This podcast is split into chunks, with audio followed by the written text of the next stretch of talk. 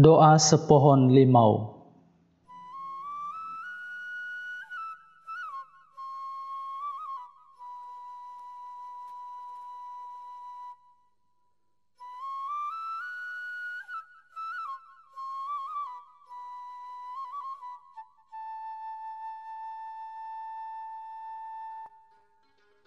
Cerita pendek oleh Hasrul Eka Putra diterjemahkan oleh Abdi Gunawan Jafar dinarasikan oleh Samsudin R. Ishak ilustrasi musik etnik oleh Risno Ahaya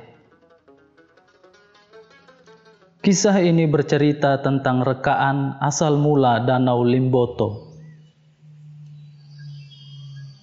Danau Limboto merupakan danau yang terletak di Limboto, Kabupaten Gorontalo, Provinsi Gorontalo. Danau ini menyimpan beberapa spesies endemik dan memiliki sejarah panjang tentang kerajaan Hulondalo dan Limutu. Dari tahun ke tahun, luas dan kedalamannya terus berkurang. Pada 1932, Rata-rata kedalaman danau 30 meter dengan luas 8.000 hektar. Saat ini, tinggal tersisa 2.500-an hektar dengan kedalaman 2-3 meter.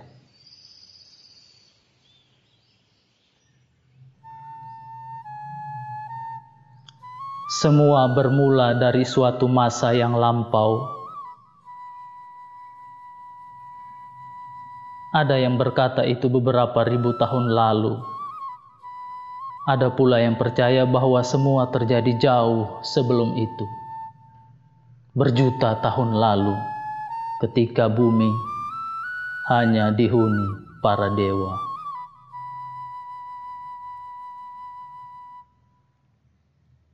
Orang-orang tua berkata bahwa dewa-dewa ini muncul begitu saja, memiliki sayap, dan kekuatan bermacam rupa. Beberapa yang lain bercerita bahwa dewa-dewa itu turun dari langit setelah diusir dari taman raksasa di luar angkasa.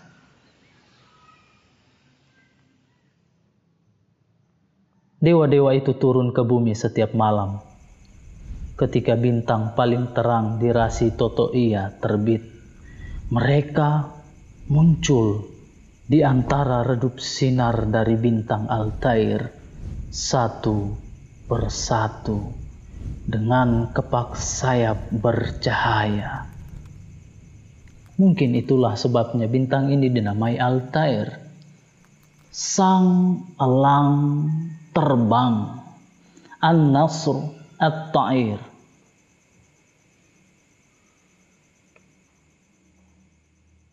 Di bawah sini di bumi yang masih muda. Para dewa terbang, berjalan, bergelantung di semua pohon yang mereka temui. Pohon-pohon di masa itu, kata Opasude, menjulang hingga ke awan, bergoyang-goyang di antara mega yang serupa kapas terbang. Setiap pohon biasa disinggahi satu dua dewa. Bahkan ada yang bermukim di sana, tinggal berhari-hari, berbulan-bulan, kecuali satu pohon. Berduri, pendek, dan baunya tidak disukai para dewa. Pohon itu selalu terlihat sunyi. Ia seperti pelabuhan yang enggan disinggahi para pelaut. Hanya gemerisik angin yang kadangkala masuk menyelinap di antara pohon-pohon raksasa, lalu menghampiri daun dan rantingnya yang kecil. Ia menyapanya sekali Lalu angin itu pergi lagi, meninggalkan pohon limau dalam kesepian yang canggung. Di siang hari, cahaya panas tepat di atas menghampiri daun-daunnya. Dia tidak bisa menikmati fajar dan senja, terhalang oleh lautan pohon lain yang tumbuh tak terkira. Saat siang itulah dia mandi cahaya beberapa saat sambil membayangkan ia bisa menjadi air yang bisa menguap, mencair, membatu, berubah menjadi apa saja, pergi ke tempat yang tak bisa dijangkau dewa-dewa. Di musim-musim ketika tanah menjadi sangat basah dan air jatuh tiada henti dari langit, beberapa makhluk kecil bersayap serupa dewa, sering kali hinggap di dahan dan rantingnya.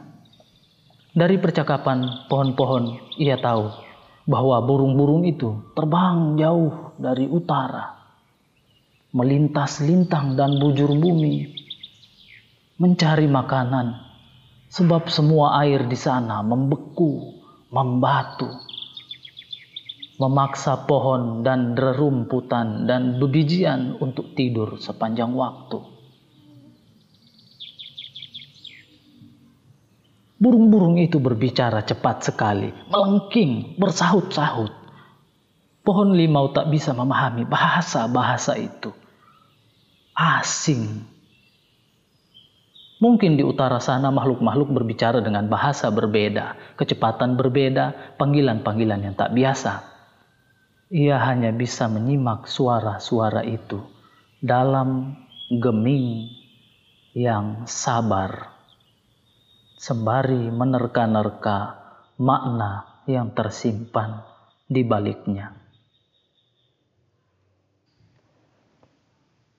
Di musim-musim yang lain, ketika suara dan kepak burung-burung utara tak lagi hinggap di telinga, itulah kala di mana pendar cahaya-cahaya mungil bertebaran seperti serbuk ditiup angin.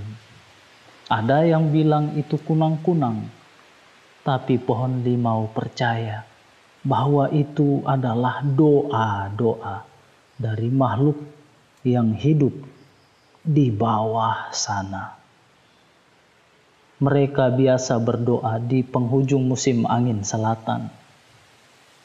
Di waktu yang sama saat dewa-dewa kembali ke langit dengan harapan doa mereka dibawa ke kayangan lalu turun menjelma hari yang cerah, angin yang lembut, atau udara hangat yang menenangkan.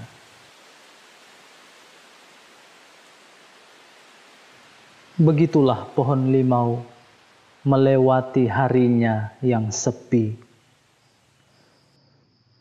Dari pagi ke pagi, lagi dan lagi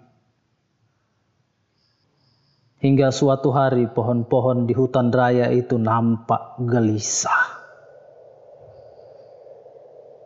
Ranting mereka bergetar tak keruan. Beberapa pohon meranggas. Dedaun gugur layu. Sebabnya burung hut membawa kabar dari timur sesuatu tengah dibangun untuk memuat siapa saja yang ingin selamat dari sesuatu yang akan turun dari kayangan. Kali ini bukan cerah cuaca atau lembut angin atau hangat matahari. Si burung hut tak menjelaskan perihal apa yang akan datang. Pohon-pohon tua menerka, inilah kiamat akan turun batu-batu besar dari langit, meledakkan semua di bawah sini. Pepohon lain yakin bahwa sesuatu itu adalah kilat yang menyambar-nyambar, menampakkan wajah Tuhan yang marah. Karena dewa-dewa tak lagi menaatinya. Sementara yang lain menebak dengan ragu bahwa ini hanya kabar tak jelas Begitulah burung jika membawa kabar, kata mereka. Sampai di suatu sore yang biasa, reranting pohon limau mulai basah oleh rintik dari langit. Mulanya seperti pasir, lalu sebesar biji, lalu sebesar anggur muda. Semakin malam, semakin deras Lalu kabar burung hut itu menjadi terang. Air bah akan datang menenggelamkan apa saja yang ada di bawah matahari. Dewa-dewa telah lama kembali ke kayangan, menyisakan para pohon dan makhluk-makhluk kecil di sela bebatuan dan gua-gua. Beberapa pohon telah jatuh terkulai. Batang-batang mereka tak berhenti bergetar. Yang lainnya, akar-akarnya saling mengikat, saling berpegangan di kedalaman tanah yang mulai berubah rupa menjadi lumpur. Pohon limau dalam hujan memandang ke angkasa. Untuk pertama kalinya ia merasa memiliki banyak sekali cerita untuk dibagi. Doa-doanya sebentar lagi terkabul. Ia akan menjadi wujud yang abadi, naik turun bumi dan langit sebagai air, sebagai uap, sebagai es, sebagai awan.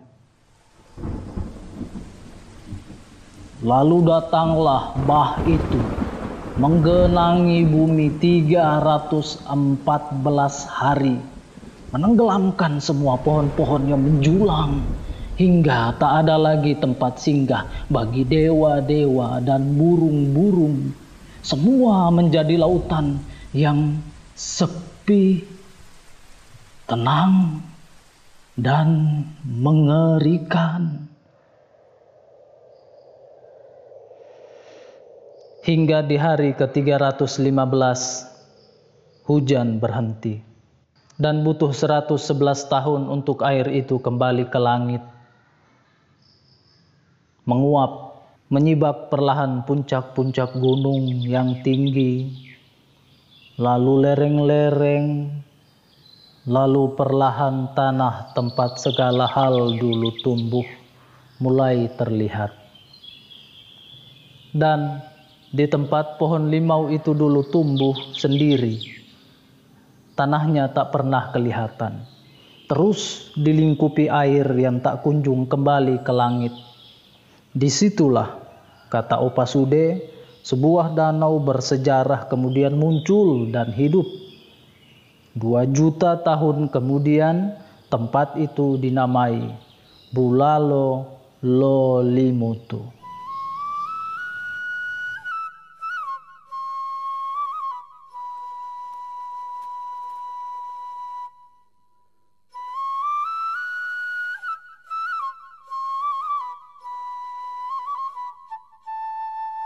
Sastra suara ini dipersembahkan oleh divalitera.org bekerja sama dengan Direktorat Jenderal Kebudayaan Kementerian Pendidikan dan Kebudayaan Republik Indonesia.